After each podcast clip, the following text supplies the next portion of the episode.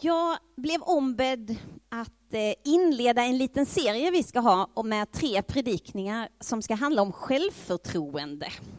Och vi diskuterar lite, ska vi kalla det andligt självförtroende? Men det låter väldigt konstigt. Men syftet är på något sätt självförtroende i att våga stå för sin tro, att vara, vara frimodig i att vara kristen och dela med sig av det och så eh, om att inte skämmas för evangeliet. Eh, och när jag satte mig ner och började förbereda det så, så kände jag hur liksom axlarna åkte upp och jag fick lite ont i nacken och ont i ryggen och det var någonting som skavde i mig. Det här ämnet väckte någonting i mig. Eh, och vi tillhör lite olika generationer och så, men jag eh, var ungdom på 1990-talet eh, och åkte på mycket läger och kristna konferenser och sådana grejer. Och då fanns det ett ämne som min, efter, min liksom efterhandskonstruktion i alla fall är att man predikade framför allt om det här. Att inte skämmas för evangeliet, att vara beredd att offra allt. Och det var ganska hård ton. Vi ska stå på stridsfältets höjder. Eh, liksom vi ska vara beredda att dö. Eh, och jag märker att när jag nu ska närma mig det här med att liksom inte skämmas för evangeliet, så får jag den här lite pressen i mig. Jag blir helt så stel och konstig. Det väcker liksom känslor av att du borde göra mer, Elisabet. Ditt liv räcker inte till som det är. Och jag blev väldigt stressad och axlarna åker upp. Och jag vet inte om ni kan relatera till det här och har fått mycket sån undervisning. Det handlar nog lite om vilka sammanhang vi har rört oss i och, och sådär. Um, men jag kommer därför inleda eh, med att läsa ur Lukas evangelium kapitel 22. Från vers 54. Och det här är texten om när Jesus precis har blivit fängslad eh, och en av hans närmaste, Petrus, förnekar Jesus. Eh, Lukas 22, 54. De grep honom och förde honom till överste prästens hus. Petrus följde efter på avstånd. De gjorde upp en eld mitt på gården och slog sig ner omkring den. Och Petrus satte sig mitt ibland dem. En tjänsteflicka fick se honom där han satt i eldskenet. Och hon såg noga på honom och sa, den där mannen var också med honom. Men Petrus förnekade det. Nej, jag känner honom inte. Strax efteråt fick en annan syn på honom och sa, du hör också till dem. Petrus sa, Nej, det gör jag inte. En timme senare var det någon som försäkrade. Visst var den där också med honom. Och han är ju från Galileen. Men Petrus sa, jag förstår inte vad du menar. Och just som han sade det gol en tupp. Då vände sig Herren om och såg på Petrus. Och Petrus kom ihåg detta som Herren hade sagt till honom. Innan tuppen gal i natt har du förnekat mig tre gånger. Och han gick ut och grät bittert. Det här är Petrus som har följt Jesus i tre år. Och hans första möte med Jesus, då skedde det ett under. Jesus sa till honom, du ska kasta ut näten där borta. Och så gjorde han det och så kom det fisk så mycket så att näten nästan gick sönder. Petrus har upplevt vem Jesus var. Det är Petrus som har fått gå på vattnet och provat det, och det gick. Han har gått på vattnet, han vet vem Jesus är. Och hans bekännelse är hög. Jag ska följa dig Jesus, jag ska vara din lärjunge, jag ska dö för dig. Och istället hamnar han här då, i ett djupt misslyckande. Nej, han räckte inte till. Och vi vet inte riktigt vad det är som gör att Petrus förnekar Jesus den här natten. Det kanske är många olika anledningar. Han kanske är rädd att de ska fängsla honom precis som de har fängslat Jesus. Han kanske bara inte orkar ta alla de frågor och diskussioner som skulle komma om folket där förstod att han kände honom. Han kanske är fylld av tvivel. Okej, vad hände nu? Jesus kanske inte är den jag trodde att han var. Vi vet inte riktigt varför han, han sa så här. Men jag tror många av oss kan känna igen oss. Att ibland önska att man inte var kristen, att inte behöva stå för det, eller att inte behöva vara annorlunda i alla fall. På den här tiden, för drygt 2000 år sedan, så var de som följde Jesus en väldigt liten minoritet. Det var några, några handfull, de som hade mött honom, de som hade blivit förvandlade. Och de levde i ett helt annat samhälle. Nästan allt som mötte dem hade en annan verklighetsuppfattning än de här eh, kristna. Eh, och jag tänker att ibland kanske vi behöver påminna oss att vi också är eh, en minoritet i ett majoritetssamhälle som har andra värderingar än de vi har. Eh, Sverige har mycket präglats av den kristna tron, men jag tror vi alla kan känna igen att det är många värderingar där liksom det gängse, det som sprids i, i tv och radio och streamingtjänster inte är samma värderingar som jag lever mitt liv efter. Och bara några exempel på det. Vårt majoritetssamhälle, och förstå mig rätt, jag menar inte alla människor, men liksom det, det som är normen är att det du ser är det som finns. Syns det inte, finns det inte. Och så tänker inte jag som kristen. Och en annan sak som är väldigt stor skillnad är, det är klart du vet bäst för ditt eget liv, så säger vårt majoritetssamhälle. Och som kristen säger jag, nej jag vet inte bäst, han som har skapat mig vet bäst. Um, en annan sak är, din trygghet är i det du äger, i det du har, säger vårt majoritetssamhälle. Men vår tro säger nej, det gör det inte. Se på liljorna hur de blommar, säger Bibeln. Om nu Gud låter gräset som står där den ena dagen och som är borta nästa få växa i all sin skönhet, varför tvivlar ni då på att han ska försörja er?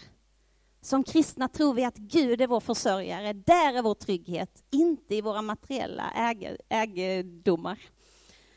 Och det här är bara några exempel på hur våra värderingar inte liksom alltid stämmer överens med det samhälle och den tid vi lever i. Vi har många värderingar och tankar om livet eh, som inte är samma som den sekulära svensken. Och några till. Älska dina fiender. Ber någon dig gå en mil, så gå två mil med honom. Samla dina skatter i himlen och inte på jorden. Är det så konstigt att det kan kännas jobbigt att dela med sig av sin tro? För vem orkar att alltid vara annorlunda? Och ett annat perspektiv, vem orkar behöva försvara allt det som kristna har gjort i alla tider och i våra tider? För så mycket dumheter har man gjort i Guds namn. Och jag jobbar som lärare på Liljeholmens bibelskola och för ett par år sedan så hade jag en bibelskoleelev som mejlade mig när hon hade kommit liksom in i verkligheten igen efter folkisåret och börjat studera på universitet och så, så skrev hon så här. De senaste veckorna har jag typ blivit översvämmad med massor av vidrigheter som kristna har gjort i Guds namn i historien och fortsätter göra. Jag är mycket medveten om att allt inte är Guds, kristendomens eller de kristnas fel. Absolut inte. Men jag blir så ledsen och arg när jag hör hur folk förvränger det jag tror är Guds ord och ett kärleksbudskap. Hur kan Gud tillåta det? Hur förklarar jag för mina okristna vänner att alla kristna är inte så? Jag tycker inte det är så konstigt att vi inte är så frimodiga och berättar om vår tro när vi behöver stå till svars för så mycket så ofta som många har gjort i Guds namn.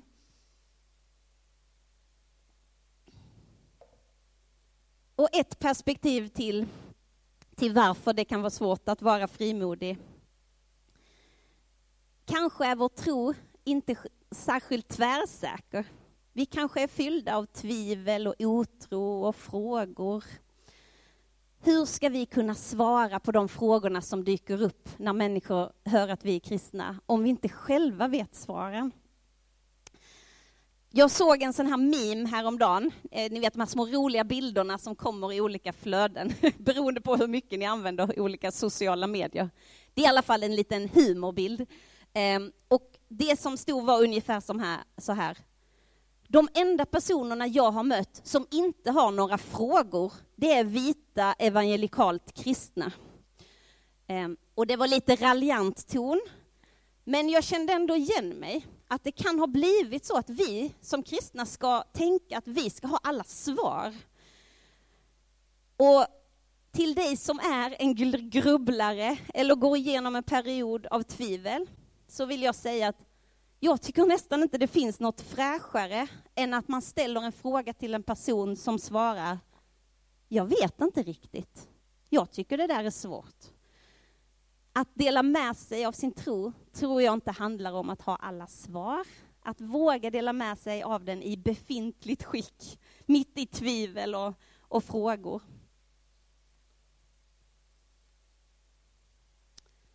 Okej, tillbaka till Petrus. Han hade förnekat sin mästare och nu hade det gått dagar av sorg, mörker och skam. Petrus var krossad. Och i Johannes evangelie finns ett stycke som har rubriken Den uppståndne och Petrus, där vi får följa mötet mellan Jesus och Petrus. Efter här när han har uppstått då. Och jag gissar att anklagelserna i Petrus huvud är piskvassa och hårda. Domen över hans liv är lagd. Han är misslyckad, han är en skamfläck, han kan inte stå för något han säger, han är bara en bluff, en bedragare. Och nu ska vi läsa om mötet mellan honom och Jesus och det är Johannes evangelie kapitel 21.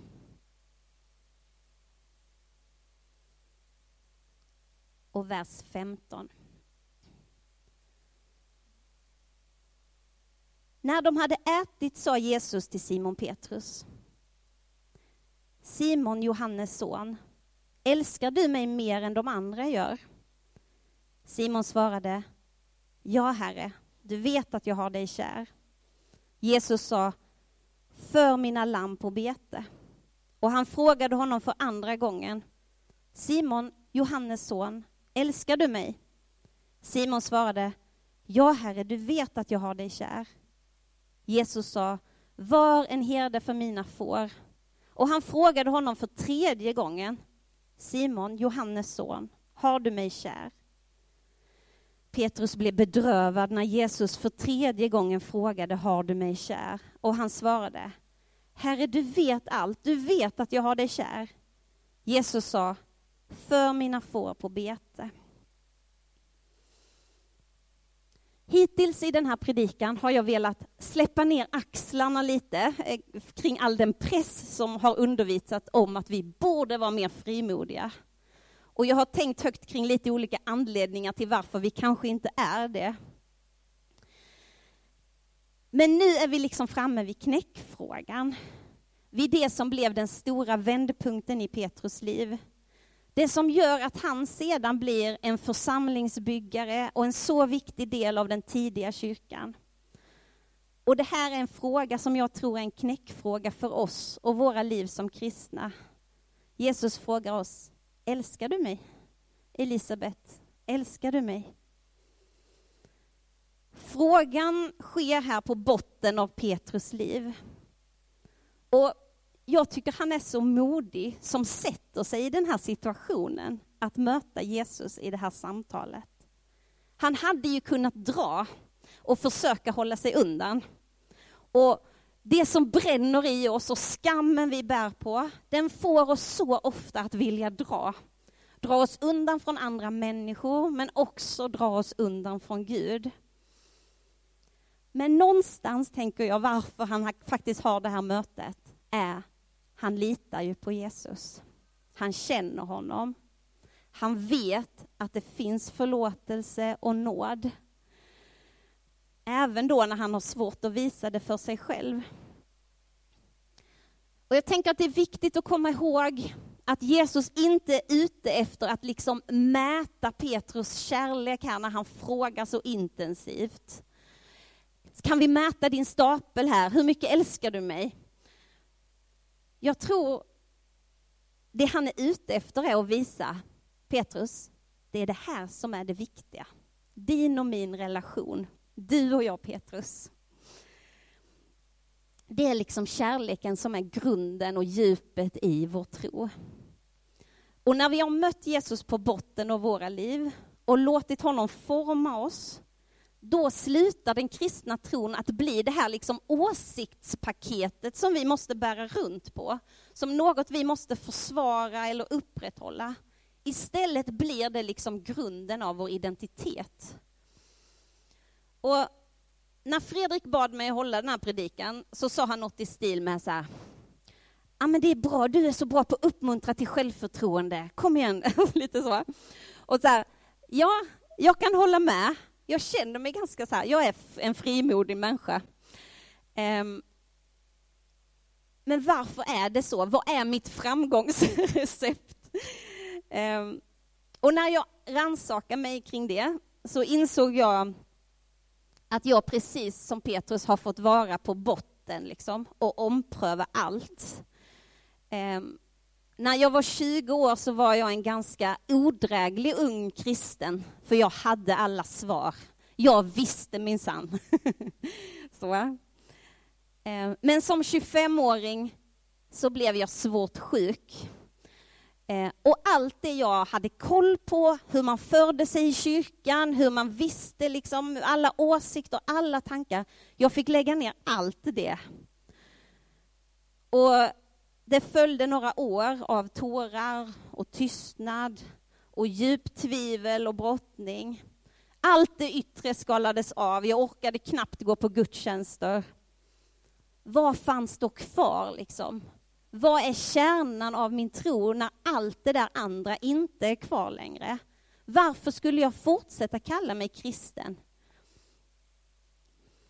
Och det finns en sak som gör att jag liksom har fortsatt min vandring och tillsammans med Gud. Och det är Jesus som står där med utsträckta armar och säger Elisabet, älskar du mig? Eh, vår relation är det som har burit och det som bär när allt annat faller. Ehm, jag vill läsa från Andra Korintierbrevet 4.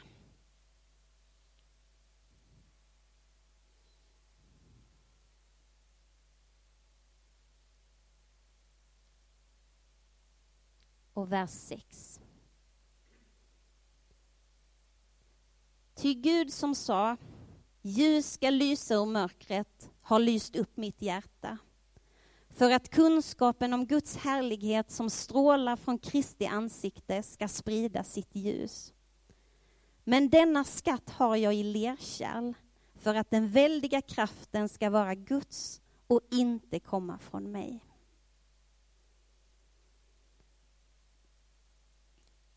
När vi inser att det är i vår svaghet som Guds styrka blir synlig så kan vi leva ut vår kristna tro i stort självförtroende. För vi har liksom ingenting att förlora. Tappar vi ansiktet eller misslyckas så gör det ingenting, för det hänger inte på mig. Det är ju Guds ljus som ska lysa genom mitt liv. Och det är det enda som håller. Och jag säger inte att man måste ha blivit svårt sjuk eller gå igenom djupa trauman för att liksom hamna på den här platsen. Men det handlar på något sätt om att våga ge hela sitt liv till Gud.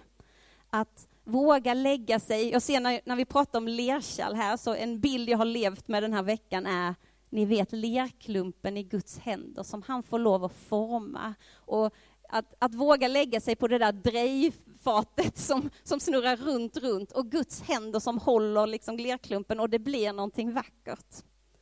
Jag tror det är en insikt som behöver landa i oss.